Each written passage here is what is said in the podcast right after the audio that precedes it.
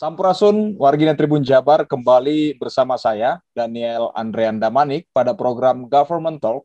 Ya, eh, tentunya di pada program Government Talk pagi ini ya kita sudah kedatangan seorang narasumber ya eh, Kepala Dinas Kesehatan Kota Bandung ya Kepala Dinas Kesehatan Kota Bandung. Kita akan membahas eh, sebenarnya seperti apa sih sebenarnya eh, terkait dengan kondisi saat ini ya. Apa sebenarnya COVID-19 varian Delta itu? Nah, telah hadir narasumber kita Kepala Dinas Kesehatan Kota, Kota Bandung yaitu Ibu Ahyani Raksanagara. Selamat siang Ibu. Selamat siang. Assalamualaikum warahmatullahi wabarakatuh. Waalaikumsalam warahmatullahi wabarakatuh. Oke, baik. Jadi uh, Tribuners, uh, tayangan ini tentunya akan tayang secara langsung pada akun uh, Facebook dan YouTube Tribun Jabar dan saat ini yang Anda saksikan merupakan siaran langsung. Jadi nanti uh, kita akan uh, langsung saja berbincang-bincang dengan uh, Ibu Ahyani ya terkait dengan apa sebetulnya COVID-19 varian Delta itu. Oke, langsung saja uh, Bu Ahyani ini ini tentu topik yang yang ditunggu-tunggu orang dan sangat-sangat banyak sekali beredar informasi tentang varian Delta. Masih banyak masyarakat mungkin yang belum paham seperti hmm. apa sebenarnya. Apakah varian Delta itu dan seperti apa penyebarannya? Oke, yang pertama yang mau saya tanyakan, seperti apa Bu sebenarnya varian Delta itu sebenarnya apa sih Bu? Gitu. Hmm. Silakan Ibu. Ya, jadi eh, namanya juga varian ya, berarti ya. suatu variasi baru gitu ya. Nah, ya. untuk uh, uh, makhluk hidup tuh biasa begitu bermutasi ya. Jadi ada ya. perubahan material, cuman kalau ini genetik jadi diturunin gitu, udah berubah tuh dia diturunkan turunan-turunan berikutnya menjadi seperti itu kan begitu ya. ya. Nah, itu fenomena yang uh, alam gitu ya dalam satu siklus hidup mikroorganisme itu apalagi seperti virus itu dia kan nggak stabil gitu ya si strukturnya. Jadi sering banget dia itu um, bermutasi gitu ya, membuat varian-varian baru itu uh, merupakan hal yang alamiah gitu dalam siklus hidup suatu mikroorganisme. Nah hanya begitu uh, si perubahan-perubahan itu tuh uh, apakah berdampak atau tidak berdampak kepada suatu tata laksana medis, kepada suatu gejala, itu aja masalahnya. Tapi kalau masalah si mikroorganisme berubah itu memang suatu fenomena alam dan uh, siklus hidup dari uh, suatu uh, virus. Nah, di dalam uh, menghadapi SARS-CoV dua ini atau uh, eh, COVID-19 ini, WHO pun sudah mengklasifikasi perubahan tuh banyak sekali, tapi yang harus diwaspadai ini ada ada tiga, tiga, tiga jenis varian yang harus kita waspadai begitu ya, berdasarkan dari uh, resiko penurunannya, artinya memang dia diturunkan kemampuannya, kemudian kemampuan diagnostik, terapik sama uh, nanti dampaknya kepada vaksin dan sebagainya.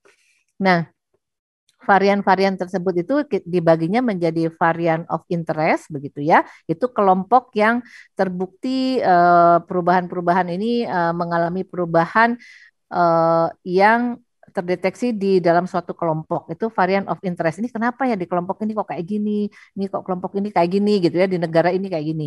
Ada juga varian of concern. Ini harus diperhatikan gitu ya. Ini harus memerlukan perhatian khusus. Ini bila uh, perubahan-perubahannya itu secara klinis kok cepat buruk ya uh, di kelompok ini gitu ya atau uh, uh, menjadi banyak yang lebih berat ya gitu. Jadi memang ini varian of concern. Kemudian ada juga varian of high consequence yaitu yang artinya berdampak kepada nanti upaya-upaya pencegahan misalnya. Nah, kita mengenal Kemenkes akhirnya dari tentunya berdasarkan data-data sampel yang harus diperiksa dan ini nggak bisa diperiksa oleh siapa pun gitu ya apakah ini varian A varian B karena itu harus ke satu lab yang sangat uh, khusus begitu sehingga kita pun kalau uh, mengetahuinya harus dikirim lah ke sana ya. Nah di Indonesia ini yang di, harus diperhatikan adalah tadi varian of concern, jadi memerlukan concern khusus, kewaspadaan khusus. Nah kelompok varian of concern inilah yang disebut alfa, beta, gamma, delta begitu ya. Nah, eh, itu udah masuk ke Indonesia belum gitu ya. Nah, ya, alfa ya. ada, itu alfa tuh rombongan dari Inggris begitu ya. Kalau beta itu perubahan-perubahan dari Afrika Selatan gitu ya. Gamma tuh yang dari Brasil. Nah, delta ini yang dari India gitu ya. Itu gitu. Jadi jadi si delta ini mulainya dari mana? Dari itu gitu ya, dari varian of kelompok varian of concern. Kalau yang disebut varian of interest itu yang tadi ya, kok ini ada sekelompok sekelompok kasusnya mirip itu yang kita kenal kemarin ada B1617 A23 sekian. Jadi memang beda kelompoknya. Nah, sekarang yang yang apa sih uh, sedang diperbincangkan adalah tadi varian delta berarti dari kelompok varian of concern ya. Apakah itu sudah masuk Indonesia? Ya betul sudah masuk ke Indonesia di beberapa daerah begitu ya. Dan uh, mengapa ini menjadi penting? Karena ada uh, dampak kepada percepatan dia lebih cepat gitu nyebarnya. Uh, kemudian juga uh, uh, gambaran klinisnya pun lebih berat sehingga banyak yang perlu dirawat di rumah sakit. Itu sebetulnya yang uh, menjadi kenapa concern uh, perlu diwaspadai. Kalau perubahan-perubahan yang tidak berdampak ke situ tentunya banyak banget lah. Jadi itu yang disebut varian of delta begitu ya. Dan itu sudah ada masuk uh, antara lain ke Jawa Barat dan uh, kalau di Jawa Barat sebetulnya ke Bandung tidak ya, ada di Kerawang. Saya boleh ada saya saya ngintip dulu nih sebetulnya ada paparannya. ada paparannya sudah masuk di mana sebentar saya Oke, saya tidak. intip dulu nih. Ya. Uh, nah, itu ada di Karawang kalau nggak salah sudah mulai. Di Karawang. Untuk Jawa Barat di Karawang ya, sudah Karawang. ada varian Delta ini ya, ya. betul. Dan ke, di Bandung uh, ada nggak? Uh, kita mengirim sampelnya, tapi tidak ada feedback dari Kemenkes bahwa ada varian Delta ditemukan di Bandung. Mudah-mudahan jangan ya, karena tadi uh, tipenya tadi cepat berkembangnya, kemudian juga menjadi lebih berat begitu. Oke, ya ini menarik Tribuners terkait dengan varian Delta ya. Tadi Ibu Kepala Dinas Kesehatan Kota Bandung tadi menyampaikan bahwa varian Delta ini merupakan asalnya dari India, Bu ya. Iya, iya, iya. Ya, bisa kita lihat fenomena beberapa waktu yang lalu bahwa di India terjadi lonjakan yang cukup-cukup uh, dahsyat ya, lonjakan uh, penyebaran dan tadi uh, Kepala Dinas Kesehatan Kota Bandung juga menyampaikan bahwa pola penyebaran dari varian Delta ini cukup uh, lebih cepat daripada varian sebelumnya gitu ya. Uh, tadi menarik Bu terkait dengan uh, di Kota Bandung hingga saat ini tidak ditemukan hmm. ya tidak ditemukan varian delta ini setelah mengirimkan sampel yeah. ke uh, Kemenkes. Hmm. ya Kemenkes. Artinya uh, melalui PCR kita hanya sampai tahu kita positif atau tidak seperti iya, itu Bu ya. betul. Iya. Oke. Okay. Nah, untuk itu virusnya varian apa kita tidak bisa ketahui Bu Gak ya. bisa. Karena kalau genom itu uh, whole genome sequence sequence itu uh, labnya khusus ya. Kemudian kita mengirim itu nggak semua PCR, kita mengirim ya. misalnya, jadi kita tuh memberi informasi kepada seluruh fasilitas yang merawat pasien COVID. Apabila ditemukan pasien yang uh, kok ini uh, cepat banget ya hari kedua sudah ya. paru-parunya percepatan klinisnya buruk, maka harus mengirimkan uh, sampelnya ke Kemenkes begitu untuk kontrol. Oke, uh, kalau kita berbicara tentang uh, tingkat bahayanya dari varian baru, varian Delta ini. Seperti apa, Ibu? Bisa dijelaskan seberapa bahaya dibandingkan varian sebelumnya? Silakan, Ibu. Sebetulnya kan tadi ya yang dikhawatirkan karena penularannya lebih cepat ya, bisa misalnya bisa tiga kali lebih cepat dari yang varian lain gitu ya. Jadi dia punya uh, kecepatan ya kan kalau COVID ini memang uh, keunggulannya itu di speed and smart ya. Dia cepat gitu menularkan dan smart itu berubah bentuknya itu berubahnya cepat gitu ya sehingga didiagnosa A nggak ya. dia varian ini dan sebagainya. Jadi sebetulnya yang paling berbahaya karena cepat sehingga bisa kenanya banyak dan itu berdampak kepada uh, uh, apa ya konsekuensi-konsekuensinya yang harus ditanggung bahwa tracing harus meningkat, testing harus meningkat, menyiapkan tempat tidur harus meningkatkan seperti itu ya, dan ya. juga uh, bisa menularkan kepada yang resiko-resiko tinggi atau uh, lansia menjadi lebih beresiko karena dia cepat kan di mana itu sebetulnya yang dikhawatirkan. Yang kedua juga sebetulnya karena uh, uh, apa ya percepatan perburukan kepada gejala klinisnya pun uh, lebih lebih tinggi dari dari varian yang lain. Nah ini ya. juga sama sehingga kalau lebih bergejala berat lah begitu ya uh, gejala gej kalau gejala umumnya sama ya nggak kelihatan kan uh, dia ya. sama aja panas nggak jelas gitu batuk pilek kecuali kalau nggak di ronsen dan kecuali kalau nggak di PCR kan begitu ya. ini gitu oke Artinya Bu, dengan varian sebelumnya ya, sebelumnya mm -hmm. dengan varian Delta ini, apakah di varian Delta ini setelah dilakukan uji sampel uh, di berbagai daerah, khususnya mm -hmm. tadi di Karawang, mm -hmm. apakah uh, orang yang terpapar varian baru ini mm -hmm. uh, dipastikan akan menunjukkan gejala atau seperti varian sebelumnya ada yang uh, berstatus hmm. OTG atau hmm. seperti apa? Seperti apa Bu? Sebenarnya sama ya, sama. Ya. Itu juga kan ketangkapnya karena ada misalnya pekerja migran Indonesia ya yang baru datang bekerja ya. dari luar terus dicek baru ketemu. Jadi dia sama juga ya kalau gambarannya ada OTG, ada apa ya. hanya ya. mungkin pas kena itu dia bisa menjadi lebih berat ya dan juga eh, apa namanya dari eh, data-data yang terinfeksi itu juga bisa di, terinfeksi kembali, bisa reinfeksi lah begitu ya. Jadi intinya kan yang karena dia speednya itu ya sehingga uh, susah membendung penyebaran. Kan kalau COVID ini yang dikhawatirkan kita nggak bisa nahan penyebaran ya. gitu ya. ya. Nah, kalau dari gejalanya sama ya, situ sekitar 80% memang kan tanpa gejala atau ringan ya dan baru 20 persennya itu biasanya sedang berat atau uh, perlu perawatan. Oke, baik. Tadi juga menarik Bu terkait uh, Ibu tadi menyampaikan bahwa di Bandung ini belum ditemukan, tidak hmm. ditemukan uh, varian hmm. Delta ini ya. Nah, dari berapa sampel sih Bu sebenarnya yang sudah di, dikirimkan ke kementerian terkait ini karena uh, lonjakan kasus ya di Kota hmm. Bandung ini cukup tinggi. Hmm. Apakah ini masih varian uh, varian lama atau memang uh, belum terdeteksi uh, secara keseluruhan? Iya, uh, kita tetap bilangnya kalau belum terdeteksi itu ada kemungkinan ya karena kan ya. kalau ngirim sampel kita nggak semua PCR kita hanya kepada yang terindikasi ya dan juga Kemenkes juga hanya berapa saya kurang 8 lab atau berapa se Indonesia ini yang mampu.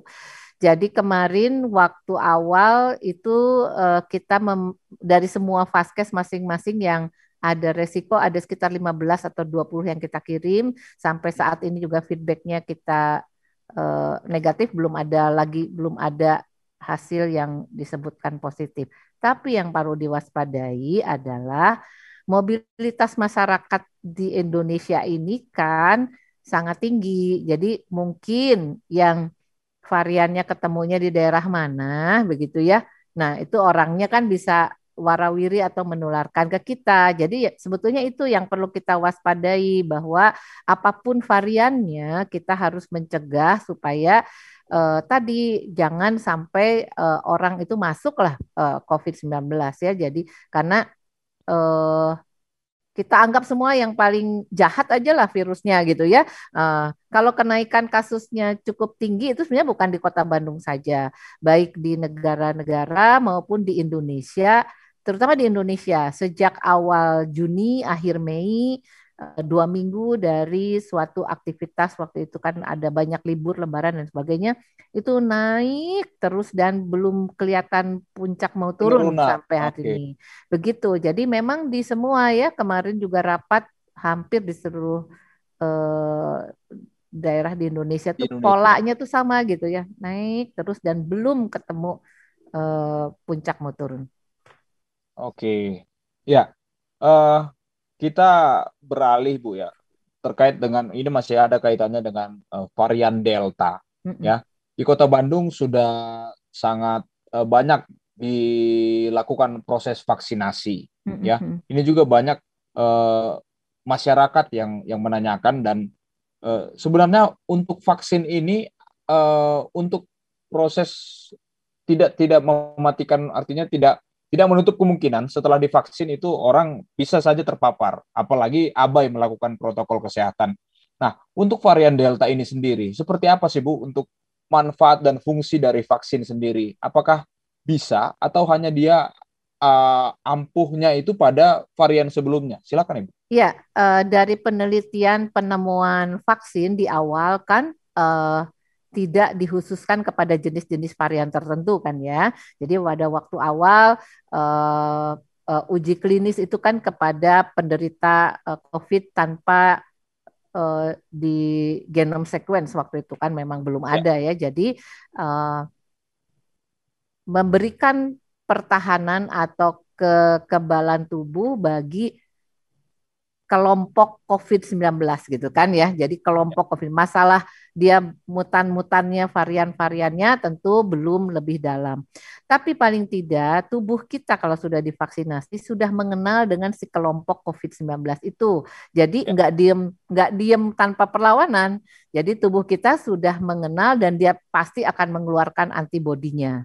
Jadi tidak akan seberat yang tidak memiliki uh, uh, vaksinasi atau antibodi. Paling tidak tubuh kita sudah mengenal ada jenis virus COVID-nya dan sudah siap mengeluarkan antibodi. Masalah bahwa tidak bisa mengatasi 100% atau apa ini tentu harus diteliti lagi ya kepada karena kan variannya tadi itu kan banyak banget gitu. Tapi ya. paling tidak itu tubuh kita sudah kenal dan antibodi sudah siap, udah ada tentara yang perang duluan lah gitu ya, nggak kosong tuh gitu.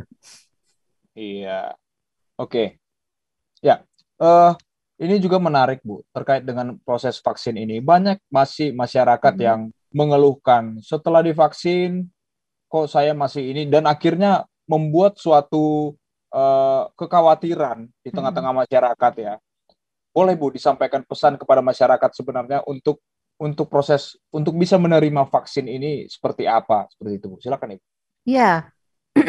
Jadi kan upaya menangani pandemi ini ada 3M yang sekarang udah 5M begitu ya, bahkan ya. ditambah lagi 1M hmm, apa namanya? Uh, menjauhi uh, makan bersama, menjauhi kumpul bersama. Jadi ditambah-tambah 3T begitu ya, tracing, ya. testing dan treatment ditambah vaksinasi. Jadi ini harus lengkap gitu ya.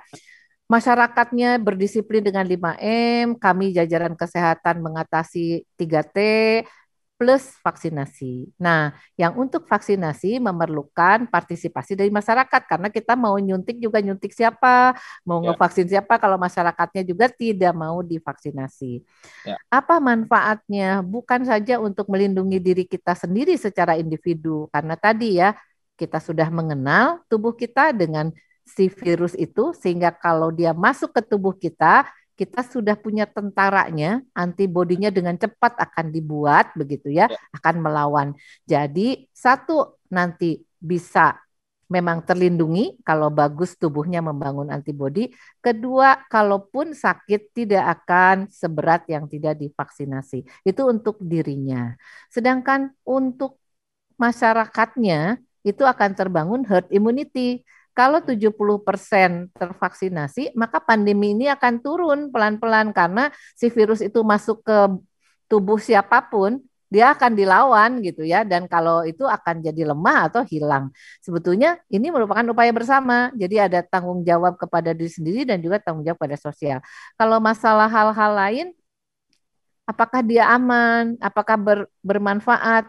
Kalau sudah terbit izin dari BPOM, dia sudah dihitung efikasi dan keamanannya. Soal halal haram, dia dari uh, eh, MUI. Jadi sebetulnya uh, jangan ragu untuk vaksinasi, gitu. Oke, ya menarik sekali Tribuners uh, pesan dari Ibu ya. Ingat pesan Ibu. ingat, ingat pesan, pesan Ibu. Ya, ingat pesan Ibu. Ibu Kepala Dinas Kesehatan Kota Bandung ya. Jadi iya. uh, alhamdulillah juga saya juga sudah divaksin Ibu dan sampai sekarang aman dan dan sehat ya. ya. Alhamdulillah. Oke. Ya.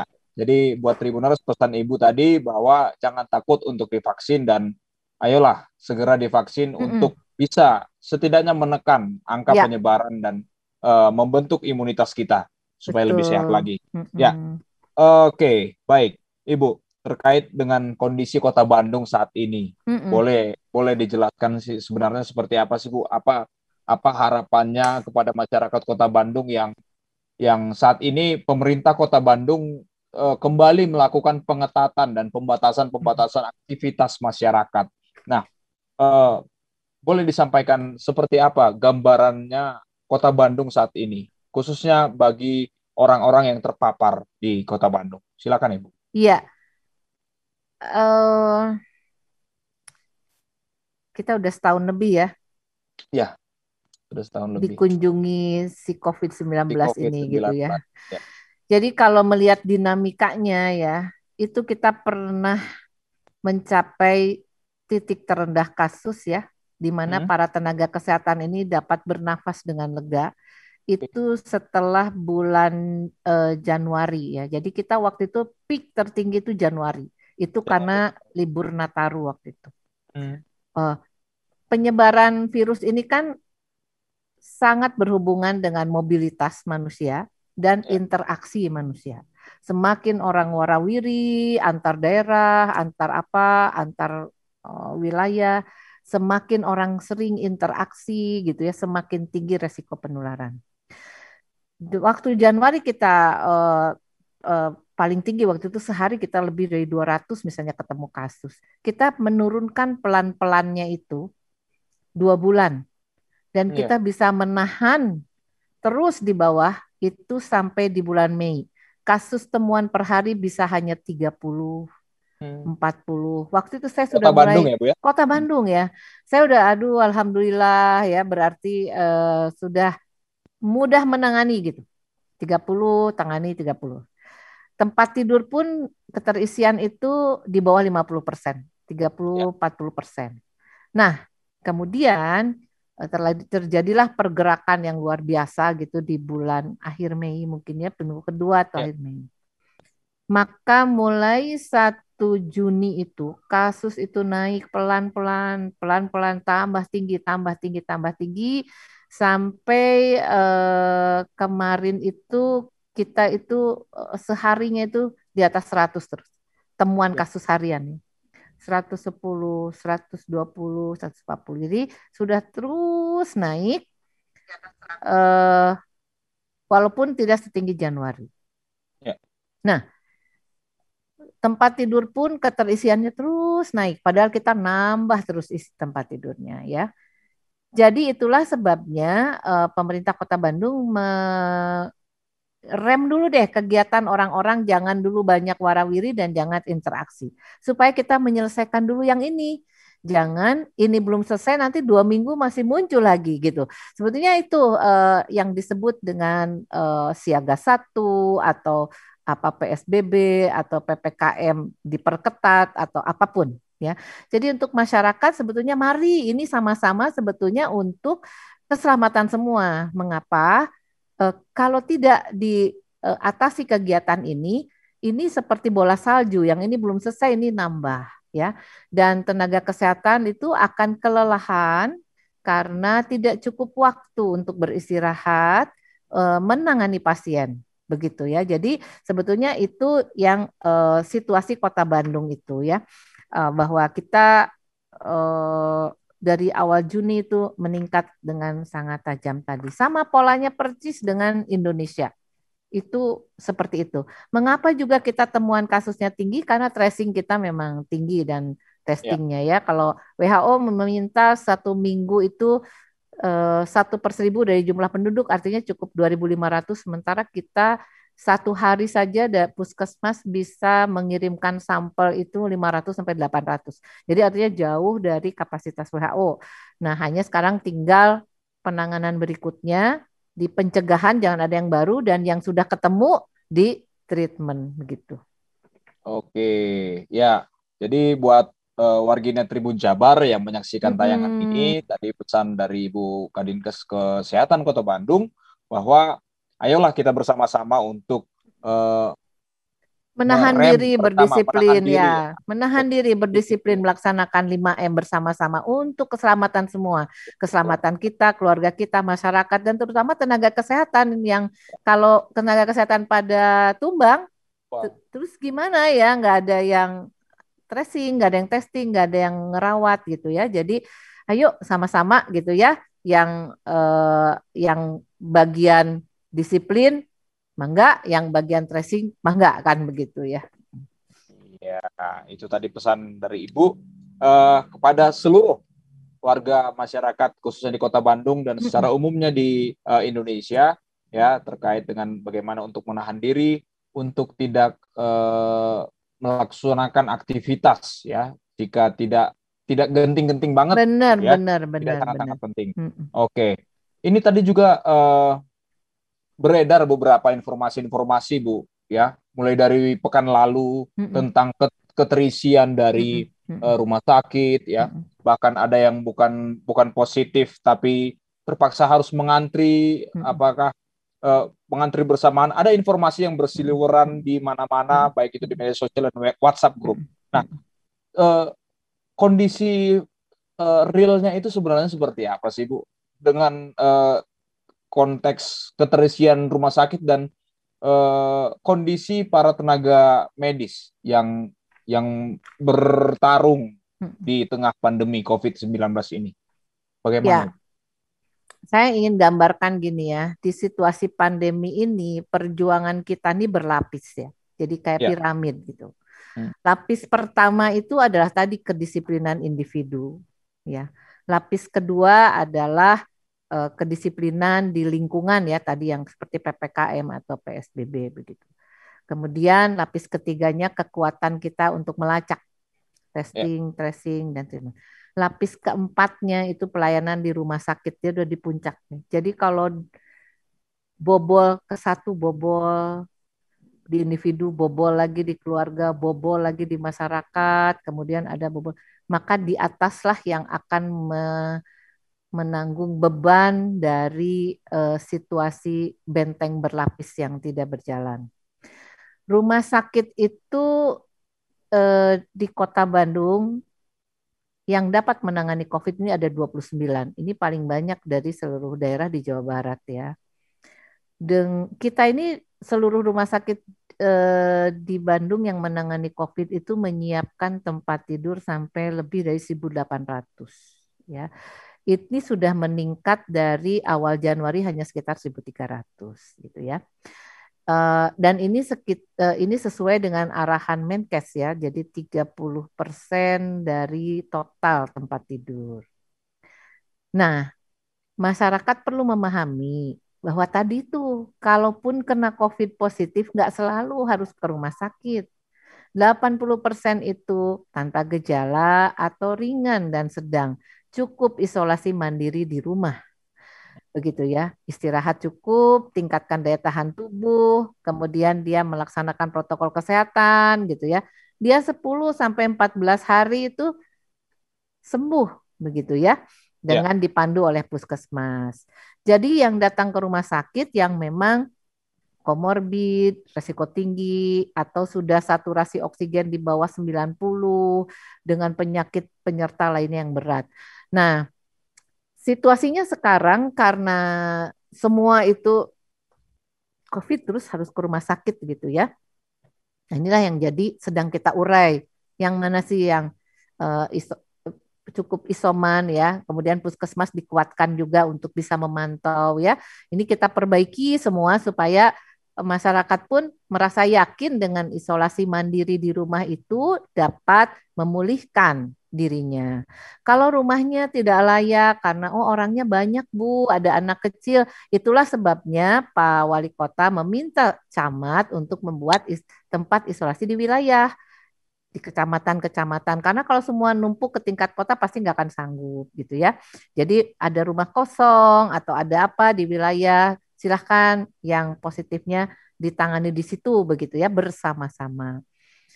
Kota Bandung juga memiliki tempat isolasi terpadu ditambah yang eh, provinsi ya BPSDM secapa dan sebagainya. Tapi intinya tadi eh, saat ini keterisian tempat tidur untuk COVID memang di atas 90 persen, sudah 92 persen. Jadi supaya nggak salah paham, bukan seluruh rumah sakit isinya 92 persen, tapi ya. tempat tidur yang disiapkan untuk COVID itu terisi 92%.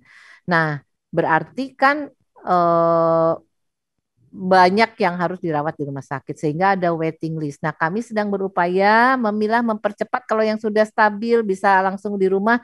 Mohon kerjasamanya juga untuk masyarakat kalau sudah bisa isoman kita di rumah saja ya dilanjutkan begitu sambil dipantau karena supaya yang lain yang harus masuk bisa segera masuk. Jadi turnovernya bisa lebih cepat. Ini memerlukan edukasi dan uh, pemahaman dari semua.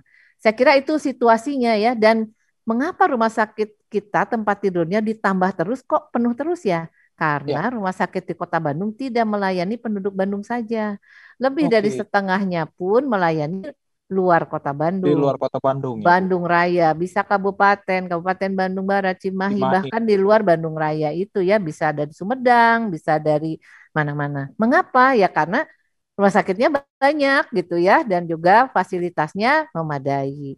Jadi ini pun kami sampaikan ke provinsi untuk mengurai dari daerah tidak semua masuk ke kota Bandung. Jadi ada uh, yang menahan lah di tempat lain. Jadi seperti itu kita juga menanganinya luar Bandung juga.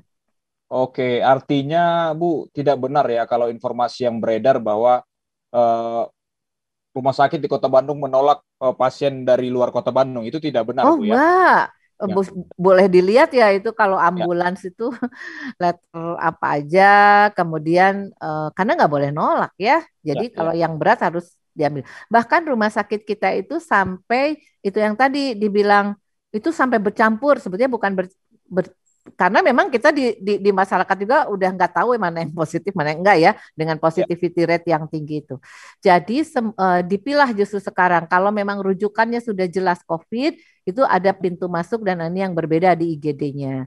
Kalau yang bukan COVID pun kita harus cek karena tadi gejalanya nggak sama. Jangan-jangan ada uh, apa namanya dia OTG gitu ya. Jadi mengapa jadi tetap harus di rapid? supaya oh ini memang bukan baru dia aman ke uh, daerah yang bukan COVID. Jadi sebetulnya bukan rumah sakit bukan ingin mengcovidkan ya, tapi kita akan memilah karena itu uh, akan berdampak kepada tenaga kesehatannya dan juga kepada pasien di sekitar uh, yang uh, dia datang bukan dengan COVID, tapi kok harus direpit juga ya karena takutnya nanti dia dimasukkan ke ruangan yang satu ruangan dengan yang non COVID padahal dia OTG.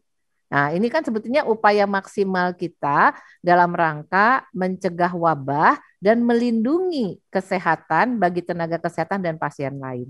Jadi kira-kira seperti itu gitu ya. Uh, uh, kok saya bukan COVID tapi tetap harus direpit di rumah sakit ya? Iya, karena kita ya. harus memilah. Oke, ya menarik sekali berarti uh, Tribuners. Jadi kita juga harus uh, memperhatikan bagaimana kondisi dari tenaga medis yang iya. menangani yang khusus menangani mm-hmm. ini Bu ya. Jadi iya. uh, kita jangan terlalu cepat untuk uh, mendengarkan informasi yang belum akurat seperti itu Bu ya terkait ini. Lebih nah, baik konfirmasi hmm. ya kita tabayun aja dan di situasi kayak gini memang benar ya informasi itu berseliweran dan sangat cepat begitu ya. Kita sampai tidak punya waktu, nggak bisa punya kesempatan buat nerangin. Jadi saya terima kasih juga diberi kesempatan buat menjelaskan. Oke, ya Bu. Uh, ada juga nih Bu informasi dan pertanyaan dari uh, pemirsa yang menyaksikan uh, hmm. tayangan ini hmm. uh, terkait dengan uh, ini mungkin uh, netizennya atau pemirsanya ini sangat-sangat peduli dengan uh, tenaga kesehatan. Informasinya ada uh, rumah sakit yang uh, menjaga ruang isolasi hanya satu orang perawat saja ya mm-hmm. yang terlihat kelelahan gitu ya. Mm-hmm. Nah, kondisi sebenarnya itu seperti apa sih Bu? Apakah memang benar-benar uh, sudah ada tanda-tanda kekurangan untuk tenaga medis yang uh, yang menyebabkan tenaga medis ini menjadi lelah saat ini dan kondisinya seperti apa Bu? Ya, uh, Bapak Ibu bisa bayangkan gitu ya, ya. Uh, dengan uh, peningkatan jumlah kasus yang meningkat satu bulan ini kan temuan kasus hariannya aja meningkat sampai 100% begitu ya. Jadi kalau biasanya ketemu cuma 70, sekarang 140, 150 gitu ya. Pasti uh, flow atau pasien yang mengalir pun lebih banyak begitu. Nah, Sementara SDM kesehatan di puskesmas, di rumah sakit pun ada yang terpapar ya. Bisa jadi karena dia juga lelah sehingga lebih mudah untuk uh, virus itu masuk ya. ke tubuhnya. Maka secara jumlah pasti berkurang. Kan ya. begitu ya. Pasien meningkat, jumlah SDM kesehatan berkurang. Maka pasti beban orang-orang yang ada itu akan meningkat ya gitu ya. Jadi memang eh, biasanya misalnya nanganin misalnya 5 atau 10 sekarang jadi harus 20 30 ya pasti ya ada kelelahan ya. Jadi eh, itulah masyarakat dapat menolong dengan apa? Dapat menolong dengan jangan nambah kasus baru gitu ya. Sehingga eh, yang ini bisa terselesaikan sambil menunggu teman-teman yang sedang terkonfirmasi positif ini pulih. Memang sebagian besar isolasi mandiri tidak berat dan kecuali yang punya komorbid mungkin ya, kan tetapi mengganggu dari jumlah SDM kesehatan yang harus melayani pasien, padahal jumlah pasiennya di sisi lain meningkat. Nah, itu kan menjadi dilematis ya, harus benar-benar diatur. Seperti itu kondisinya. Oke, gitu. ya itu ya Tribuners uh, dijelaskan oleh Ibu Kepala Dinas Kesehatan Kota Bandung bahwa uh, itu sangat sejalan di saat uh, jumlah pasien sangat-sangat meningkat, maka tidak menutup kemungkinan uh, tenaga medis yang menjaga ini akan bisa berkurang Bu ya, iya. karena ya namanya juga Daya medis, tahan medis tubuhnya kurang istirahat, manusia, itu, ya. ya. kurang istirahat, uh, uh, harusnya mungkin uh, dia ya bebannya pasti berlipat-lipat ya untuk okay. uh, eh, misalnya uh, tadinya dia cukup satu ruangan hanya berapa terisi sekarang malah buka ruangan baru gitu ya. Jadi iya. ya. Jadi mohon doanya nah. juga nih dari semua ke satu di ya. samping disiplin juga ya. doakan ya. uh, tenaga kesehatannya sehat-sehat semua ya. Amin. Kalau masalah semangat tidak diragukan ya. Mereka nggak ya. ada cerita tuh maaf ya kita lagi capek gitu terus kita nggak layani gitu ya, ya, uh, ya. itu justru semangat kemanusiaan uh, semangat uh, apa memberikan yang terbaik itu terjaga lah oleh para tenaga kesehatan. Begitu. Iya, artinya semangatnya itu dari tenaga medis uh, semangat seolah-olah tenaga medis ini tidak boleh sakit bu ya? Iya, iya, iya. harus kuat. Tenaga harus medis kuat. ini harus kuat terus. Semoga tenaga medis uh, di Kota Bandung maupun di Indonesia bahkan di dunia semuanya diberikan kekuatan untuk uh, bisa merawat ya pasien-pasien yang terpapar COVID-19 ini. Oke, okay, ini ada pertanyaan juga Bu dari netizen yang menyaksikan ini. Jadi untungnya dari government talk ini kita bisa mengkonfirmasi secara hmm. langsung hmm. karena sangat banyak Bu informasi hmm. yang belum belum hmm. diketahui akurasinya seperti apa. Nah, untuk kasus yang meninggal hmm. dan dan proses-proses uh, pemakamannya ya bisa kita ketahui bahwa di Kota Bandung ini sempat beberapa kali uh, viral dan rame ya di media sosial tentang pemakaman Cikadut dan uh, ada yang dibongkar dan sebagainya.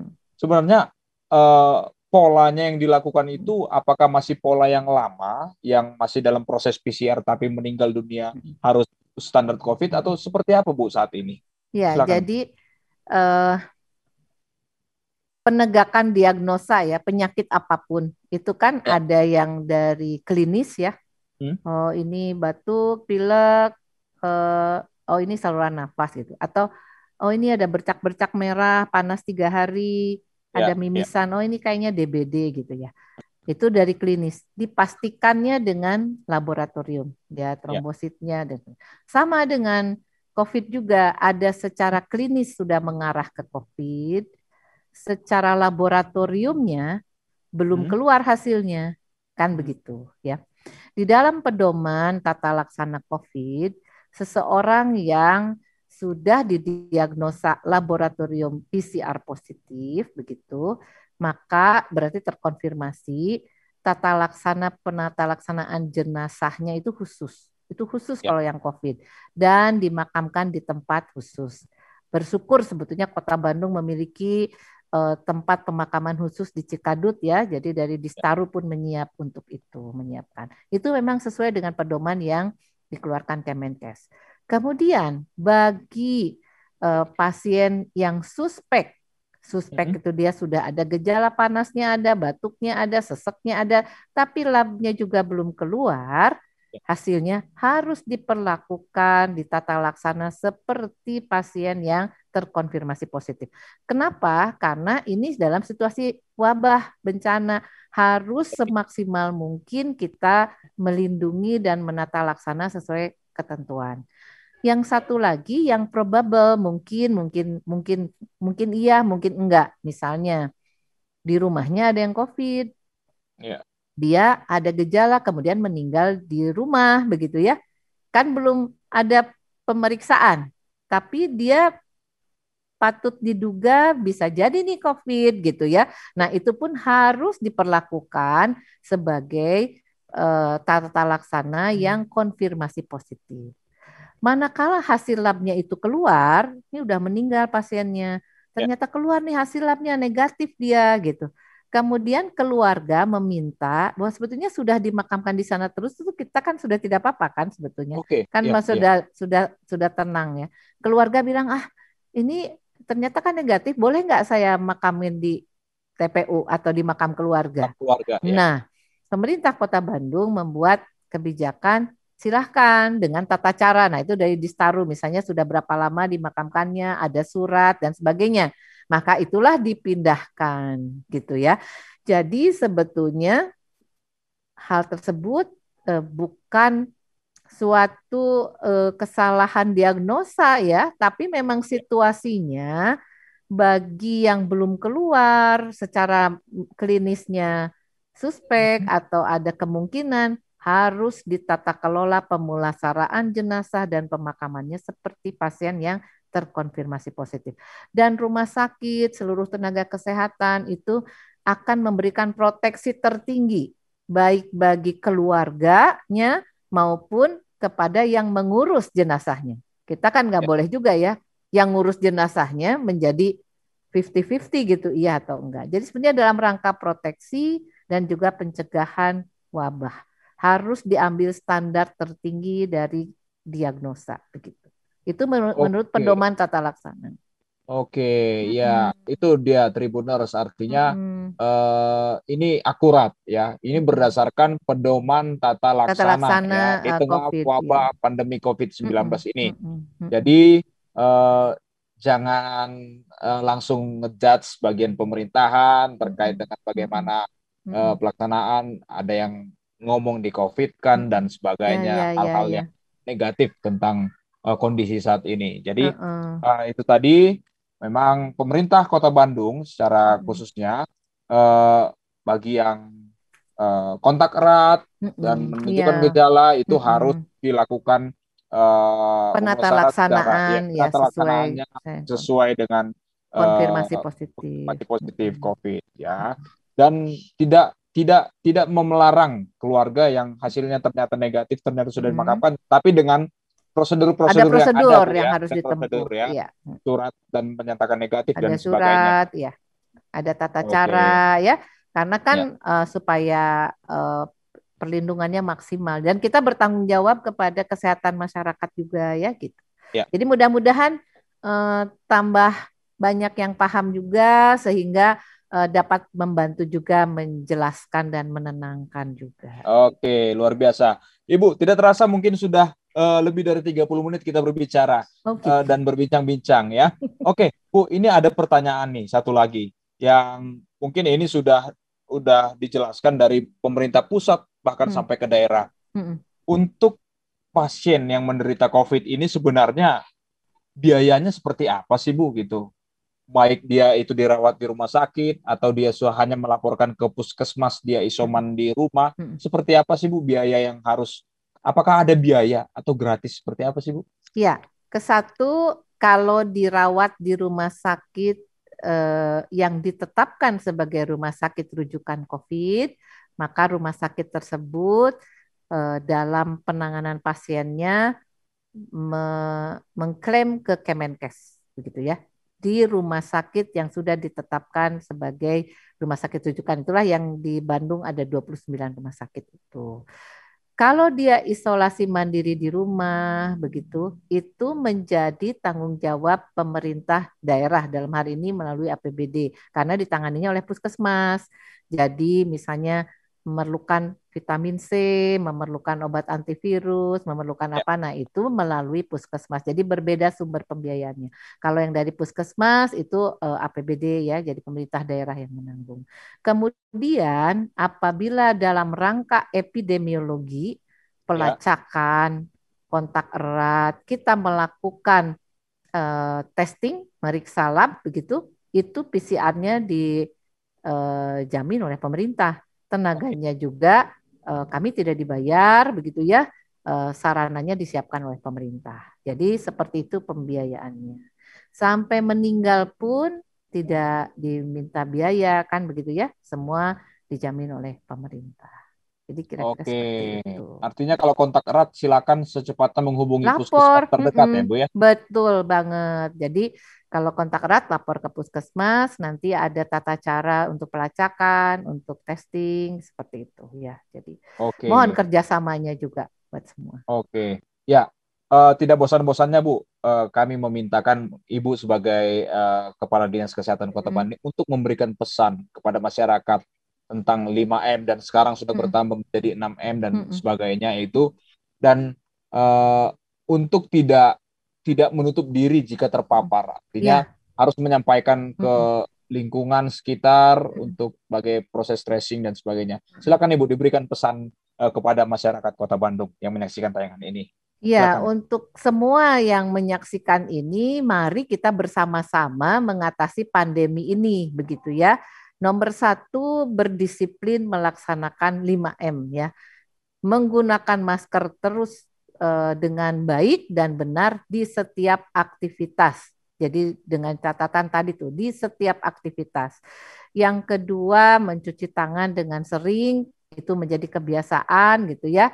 Ketiga ya. menghindari kerumunan, menghindari juga membatasi mobilitas ya, begitu ya. itu juga perlu begitu. Kemudian juga hanya mengikuti atau melakukan kegiatan-kegiatan yang penting atau esensial gitu ya. Kalau nggak dilakukan bakal ada dampak gitu. Kalau bisa ditunda, ditunda gitu. Kemudian yang berikutnya bantulah kami dalam melakukan tracing atau pelacakan dengan cara terbuka memberikan informasi. Jadi apabila ada yang memiliki keluhan atau ada orang yang datang dari luar daerah tapi sakit, tolong laporkan ke RT ya. Karena RT itu kan sekarang PPKM mikro ya. Jadi di ya. RT begitu ya. Tolong laporkan ke RT supaya ada penanganan lebih lanjut gitu ya. Itu untuk tracingnya. Untuk testingnya juga kooperatif apabila harus dilakukan uh, swab ya oleh puskesmas. Dan juga bantu kami dalam uh, pelaksanaan uh, treatment tadi karena 80% kan dapat isolasi mandiri. Jadi supaya tidak uh, hektik dan overload di rumah sakit, mari membangun tempat-tempat isolasi di wilayah dan secara mandiri pun melakukan isolasi mandiri di rumah. Mintalah guidance atau petunjuk pendampingan dari puskesmas ya. Insya Allah kalau disiplin bisa kita atasi bersama-sama seperti itu. Kemudian jangan lupa ikut vaksinasi supaya mengurangi penyebaran juga dan ini Bandung nih dapat apa ya belum semua daerah dibolehkan usia 18 tahun. Kami ya. baru dapat izin Jumat kemarin dari Menteri Kesehatan, maka manfaatkanlah kesempatan peluang yang sangat besar ini bagi masyarakat Kota Bandung untuk meminta divaksinasi gitu. Sehingga nanti jadi lengkap upaya pencegahannya.